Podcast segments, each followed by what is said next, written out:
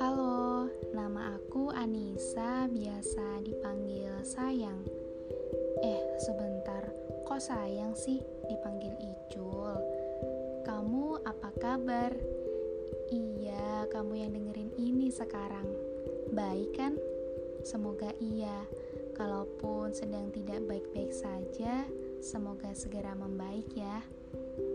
Untuk podcast kali ini, aku akan membahas tentang perbandingan yang ada di hidup kita. Padahal aku kira perbandingan itu cuma ada di pelajaran matematika atau fisika atau ya pelajaran lain aja. Tapi ternyata perbandingan itu akan selalu ada di sekitar kita, sekitar kehidupan kita, entah sampai kapan. Kayak gini contohnya. Anak bu ini udah lulus loh, kamu kapan?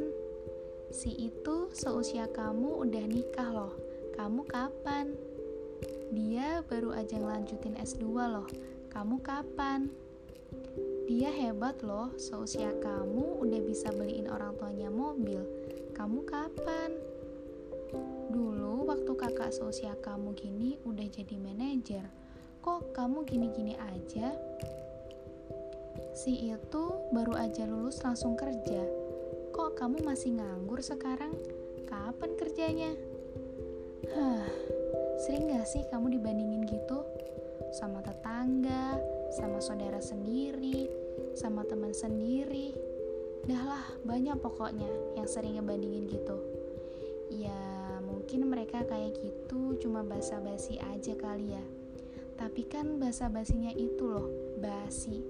B A B S I C, basi. Terus efeknya itu bisa buat kita bad mood seharian atau bisa buat kita mikir lalu insecure dengan diri sendiri. Iya ya kenapa aku gini-gini aja? Memang ya cara membuat kita kecewa dengan diri kita sendiri secara instan adalah membandingkan hidup kita dengan orang lain. Percaya deh langsung kecewa sama diri sendiri gak ada bangga-bangganya ada satu kejadian membuat aku sadar bahwa hidup ini tidak selucu dan segampang membandingkan A dan B. Aku cerita ya. Dulu aku inget banget nih, 10 April 2018. Itu adalah hari di mana aku merasakan tiga fase waktu yang dijalani sama tiga anak satu angkatan, satu jurusan, dan bahkan satu kelas tapi memiliki nasib dan garis waktu yang berbeda tentang cerita skripsinya. Pertama, di hari itu teman aku satu angkatan lulus sidang. Iya, dia paling pertama lulus di angkatan kami. Terus yang kedua aku. Di tanggal itu aku baru aja dapet dosen pembimbing skripsi yang artinya aku baru aja mulai ketika teman aku yang satu udah selesai. Dan yang ketiga, ada teman aku yang barengan ngambil proposal di prodi sama aku. Dia ditolak proposal skripnya sama Kak Prodi, yang artinya dia harus mengulang nulis proposal lagi sampai dapat pembimbing. Bisa gitu ya, padahal kita sama-sama satu angkatan, tapi lulusnya bisa beda-beda. Ya, karena kita semua punya zona waktunya sendiri-sendiri gak bisa dibandingin atau disamain gitu aja. Oh iya, di masa pengerjaan skripsi itu aku ngerasa mendapatkan banyak banget pelajaran. Aku ngeliat teman-teman dapat cobaannya masing-masing. Ada yang diuji sama dosen pembimbing yang susah ditemuin, ada yang susah nyari narasumber, ada yang revisi terus sampai akhirnya dia malas ngerjain, ada juga yang dapat dosen pembimbing yang baik banget tapi waktu sidang dia dapat dosen yang kualak banget. Ya gitu semua beda-beda. Beda orang beda cerita.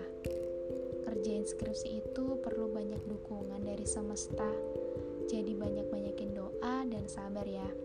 Gak gampang sih tapi asik. Hitung-hitung latihan nanti ke fase hidup kok jadi bahas skripsi sih balik ke topik awal ya. Kamu biasanya gimana kalau nanggepin orang-orang yang sering banding-bandingin gitu. Kalau aku sih disenyumin aja sambil ngomong, iya doain aja ya segera yang terbaik. Terus habis itu bahas yang lain atau pergi. Spesies orang-orang yang suka ngebandingin hidup segera berkurang ya dan sadar bahwa setiap orang punya waktunya sendiri-sendiri. Walaupun kadang mereka nanya dengan didahului perbandingan itu cuma basa-basi dan setelahnya lupa. Tapi kita yang ditanyain kan jadi mikir ya dan gak semudah itu melupakan. Sebenarnya pengennya sih bodoh amat tapi ya namanya manusia, apalagi di waktu quarter life crisis gini, lebih banyak overthinkingnya daripada biasa-biasa ajanya.